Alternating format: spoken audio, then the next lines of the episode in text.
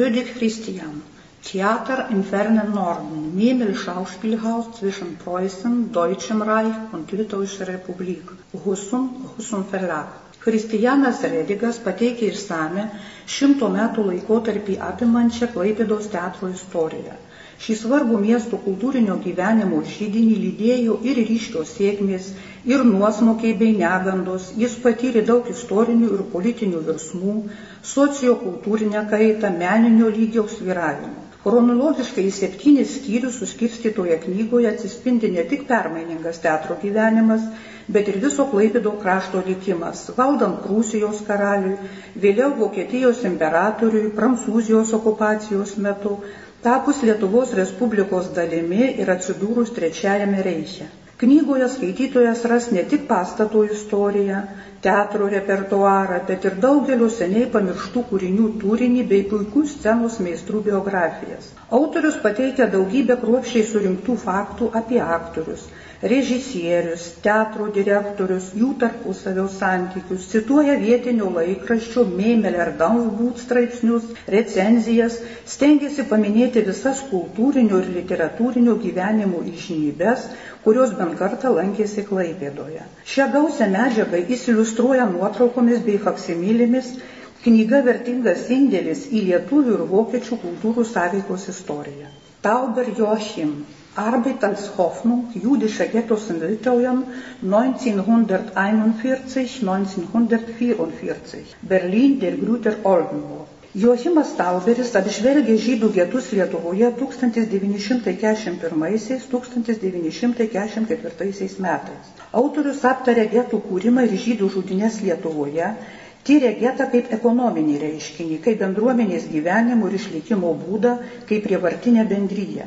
Jis nagrinėja getų likvidavimo poveikį žydų darbininkų išnaudojimo sistemai bei getus kaip darbo jėgos šaltinį lietuvių ir žydų santykius. Ši tema Lietuvos istoriografijos iki šiol mažai tyrinėta. Joachimo Tauberio tyrimas pagristas gausiais pirminiais šaltiniais iš Lietuvos, Vokietijos, Latvijos, JAF ir Izraelio. Tai archyvinė medžiaga ir asmeniniai dokumentai, taip pat pasinaudota daugybės liudininkų atsiminimais. Pagrindinį dėmesį autorius sutelkia į Vilniaus, Kauno ir Šiaulių getus. Pasitelkęs lyginamąjį metodą, šiuos getus jis gretina su Rygos, Balstogės bei Baltarusijos getais ir daro išvadą, kad Vilniaus, Kauno ir Šiaulių getai savo pagrindinėmis funkcijomis skyrėsi nuo kitų, nebuvo griežtai atskirti nuo miesto gyvenimo, o Lietuvos verslininkai galėjo žydų darbą naudoti savo reikmėms. Autorius apmastų istorinius, teisinius bei moralinius aspektus. Knygos pabaigoje pateikiami šaltinių, literatūros, lentelių bei sutrumpinimų sąrašai, asmenvardžių rodiklė. Das Baltikum, Geschichte einer europäischen Region. Band 3. Die Staaten Estland, Lettland und Litauen. Stuttgart Hirsemann Verlag. Mokslinėje knygoje pirmą kartą vokiečių kalba apžvelgiama visa Baltijos šalių istorija nuo seniausių laikų iki 21 amžiaus. Tarptautinis autorių kolektyvas visų pirma Lietuvos, Latvijos ir Estijos istorikai supažindina su trijų valstybių praeitimi, atskleidžia jų tarp valstybinius ryšius, santykius su kitomis Europos valstybėmis, pabrėžia ryškiausius Baltijos šalių konfesinius, kalbinius bei kultūrinius skirtumus. Knygos trečiasis tomas skirtas 20 amžiui. Kalbama apie padėtį pirmo pasaulinio karo metu, apie trijų Baltijos valstybių nepriklausomybės iškovojimą tarpukariu, sudėtingas istorinės aplinkybės antro pasaulinio karo metais, sovietinę okupaciją ir aneksiją, tremtį, emigraciją, taip pat apie naujausius įvykius Baltijos šalyse nuo 1991 metų, kai juose buvo atkurta nepriklausomybė. Tomas baigėsi 2019 metais, kai Lietuva, Latvija ir Estija šventė dainuojančių revoliucijų 30-metį. Nors Baltijos valstybės vienu metu atsiskyrė nuo Rusijos imperijos, visas jas kartu aneksavo Sovietų sąjunga, o vėliau jos beveik vienu metu atkūrė nepriklausomybę, kartu įstojo į NATO ir Europos sąjungą, kiekvienos iš jų istorija, kaip aiškiai parodo knygos autorė, yra skirtinga ir savita. Salm Jan. Ostpreußische Städte im Ersten Weltkrieg, Wiederaufbau und Neuerfindung, München, Oldenburg. Pirmo pasaulinio karo pradžioje dauguma rytprūsių miestų ir miestelių buvo sugriauti. Tačiau jau 1915 metais prasidėjo valstybės finansuojamas regiono atstatymas. Jano Zalmo knyga svariai prisideda tyriant šios procesus, kurie yra svarbus tiek architektūros istorijos, tiek ir mentalitetų požiūrių. Remdamasis anksčiau nežinomais archyviniais dokumentais bei tuometinę publicistiką, Autorius apžvelgia rytprūsių miestų ir miestelių architektūrą prieš pirmojų pasaulinį karą, aprašo karo veiksmus rytinėje Prūsijoje, miestų sugriovimo mastą, taip pat teorinės ir politinės atstatymo aplinkybės, įvertina atstatymų darbų organizavimą bei svarbų valstybės vaidmenį jame, apibūdina kitų Vokietijos ryčių ir miestų finansinį indėlį į šio politinio ir nacionalinių projektų įgyvendinimą. Janas Zalmas detaliai tyrė sugriautų miestų, tarp jų ir Gumbinės, Darkenio, Stalupėnų, Pilkalnio, Širvintos atstatymo darbus, atskirų vietų rekonstrukciją, seną ir naują architektūrinę bei urbanistinę aplinką, lygina su kitomis nuo karo nukentėjusiomis Europos valstybėmis - Lenkija, Belgija, Prancūzija, Italija Studijos pabaigoje pateikiami miestų planai, šaltinių ir literatūros sąrašas, asmenvardžių bei vietovardžių rodikliai. Der Luther Effekt im östlichen Europa. Geschichte, Kultur, Erinnerung. Berlin, der Grüter Oldenburg. Rytų Europoje reformacijos bažnyčių kūrimosi etapas truko ilgiau nei vokiškai kalbančiose šalyse. Liuteronų mokymo sklaida dažnai vyko varžantis su kitomis evangelikų srovėmis. Čia tikybos ir tautos ryšys vaidingo ypatingą vaidmenį. Mokslininkai iš Vokietijos, Lenkijos, Lietuvos, Estijos ir kitų šalių apžvelgia reformacijos istoriją rytų Europoje nuo XVI amžiaus iki šių dienų, pabrėždami skirtingos tikybinės, etninės bei kultūrinės aplinkos svarbą. Ypač daug dėmesio darbuose skiriama reformacijos idėjų plitimui architektūroje, mene, literatūroje, parodoma reformacijos poveikis knygų leidybai bei platesniam rašto vartojimui visuomenės gyvenime. Leidinį praturtina gausios iliustracijos, glosarijos, išsamus 50 puslapių literatūros sąrašas, asmenvardžių ir vietovardžių rodiklės. Buch- und Wissenstransfer in Ostmittel- und Südosteuropa in der frühen Neuzeit. Beiträge der Tagung an der Universität Szeged. Spaudos išradimas ankstyvaisiais naujaisiais laikais neįtikėtinai pakeitė mokslinį bendravimą. Spausdintų knygų masinį gamybą ir platinimą žymiai paspartino mokslinės minties plėtrą ir mokslo atradimų įgyvendinimą, o tai lėmė įvairių gyvenimo sričių pokyčius, visuomenės tobulėjimą bei mokslo bendruomenės susidarimą. Studijoje 15 įvairių šalių mokslininkų aptarė šios pirmosios žiniasklaidos revoliucijos reikšmę vidurio rytų ir pietryčių Europai. Savo darbuose jie tyria knygų spausdinimą reformacijos ir kontrreformacijos laikotarpiu, spausdintas knygas hebrajų kalba bei gesminus vokiečių kalba, skaitimo kultūrą, apžvelgia tuo metu knygų priekybą, leidėjų darbą, aiškina knygų mūgių, knygų kolekcijų bei popieriaus gamybos tarp regioninę reikšmę. Himmel und Zahlen in alten Drucken, erlesenes aus der ETH-Bibliothek. Petersberg Michael Imhoff Verlag. Jau daugiau nei 160 metų Šveicarijos federalinio technologijos instituto Ciūriche bibliotekoje kruopščiai renkami ir saugomi seni ir itin vertingi spaudiniai.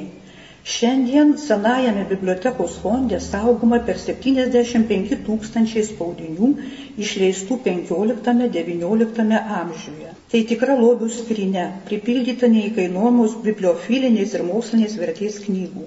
Leidinyje pristatomi 75 itin vertingi astronominio ir matematinio turinio darbai iš šios bibliotekos fondų. Skaitytojas ras ne tik išsamius spaudinių aprašymus, bet ir sužinos dažnai paslaptingų šių knygų likimus, kas buvo ankstesni jų savininkai, kaip jos pateko į bibliotekos fondus ir taip toliau. Taip pat galės susipažinti su istorinė astronomijos ir matematikos mokslo aplinka. Leidinys skirtas visiems besidomintiems mokslų, mokslo istorija bei jos raida bibliofilams. Knop Gvido, Brauburger Stefan, Arens Peter, Die Deutschen, vom Mittelalter bis zum 20. Jahrhundert, München, Bertelsmann. Norėdami atskleisti daugiau nei tūkstančių metų senumo vokiečių tautos istoriją, Gvidas Knopas, Štefanas Brauburgeris ir Peteris Aransas bando atsakyti jiems rūpimus klausimus. Kas mes esam, iš kur mes atėjom ir kur mes einame. Autoriai apžvelgia Vokietijos istoriją nuo Otono didžiojo laikų, su kuriuo siejamas pirmasis Vokietijos valstybingumo laikotarpis ir Šventosios Romos imperijos įkūrimas iki Oto von Bismarko ir antrosios Vokietijos imperijos atsiradimo bei paskutinio vokiečių kaiserio Vilhelmo II ir 1919 m. pasirašytos Versalio taikos sutarties. Jie pabrėžia tautinės tapatybės svarbą, aprašo jos paiešką, tautos pasiekimus ir klystkelius, neįsipildžiusias viltis. Džiugina lengvai skaitomas, labai informatyvus tekstas, gausus paveikslai. Autoriai Vokietijos istoriją perteikė remdamiesi dešimties istorinių asmenybių biografijomis, asmenybių, kurios tam tikrų mastų atstovavo savo laikui, tuo metu mąstymui ir vokiečių tautos raidai, kurių gyvenimas buvo glaudžiai susijęs su lūžio taškais Vokietijos istorijoje. Tokiu būdu įvairiausių politinių ir socialinių neramumų bei prieš priešų kupina vokiečių tautos istorija pateikta ne kaip nuobodus vien tik dalykinių žinių rinkinys, bet kaip įvairias palvis tautos portretas. Knygos pabaigoje spausdinama įsami bibliografija bei asmenvardžių, vietovardžių ir dalykinį rodiklį. Grim Jakob, Deutsche Mythologie, vollständige Ausgabe, Wiesbaden, Maris Verlag. Jakobą Grimą, tautosakos mokslo mitologinės mokyklos pradininką, visame pasaulyje išgarsino jo esminiai filologijos darbai bei žvalgus vokiečių mitologijos tyrimai. Dar 1835 metais įspausdintas jo mokslinis veikalas Vokiečių mitologija, padėjęs pagrindus mitologiniai mokyklai, mokslinių požiūrių išlieka svarbus iki šiol. Knyga daug kartų išleista pakartotinai, išversta į daugelį kalbų. Autorius detaliai atskleidžia savitą germanų tautų pasaulyje vaizdį, parodo vokiečių genčių iki krikščioniškų tikėjimų visumą, aiškina jų santyki su savuoju tapatumu, lygina su skandinaviškais šaltiniais. Knygoje kalbama apie dievus ir dievybės, jų tarpusavio santykius, religinės apeigas ir papročius, pasaulio sukūrimą, augalų bei žvaigždynų vaidmenį, terminų likimas, mirtis, laikas, samprata, užkeitimus ir prietorius, bei daugelį kitų dalykų. Familien Politiken in Nordosteuropa 18-20. Jahrhundert. Innerfamiliale Hierarchien und Machtverhältnisse. Lüneburg Nordost Institut. Vokiečių ir anglų kalbomis spausdinamų mokslinių straipsnių rinkinyje autoriai iš Vokietijos, Latvijos, Estijos, Lietuvos, Šveicarijos ir Junktinės karalystės tyrė 18-20 amžiaus šeimos politiką Estijoje, Latvijoje ir Lietuvoje. Daugiausia dėmesio skiriama vokiečių mažumai, atitinkamai atsižvelgiant į kitus šių trijų Baltijos valstybių gyventojus. Siekiant pateikti kuo platesnį taikomų tyrimų metodų spektrą, Straipsnių atranka remiasi tarpdalykiškumo principu. Šeimos politika tyriama įvairiausiais aspektais. Autoriai gilinasi į šeimos narių tarpusavio santykius ir teisinių bei ekonominių santykių reguliavimą, apžvelgia, kiek prieinamas buvo išsilavinimas, nagrinėja šeimos hierarchiją, motinystę, vaikų auklėjimą, atskleidžia įvairiems socialiniams sluoksniams priklausančių šeimų skirtumus. Railis Smith, Jonathan Simon Christopher Die Kreuzzüge, Darmstadt, Philipp von Zabern. Kas vis dėlto yra kryžiaus žygiai? Kaip jie buvo organizuojami ir ką patyrė jų dalyviai?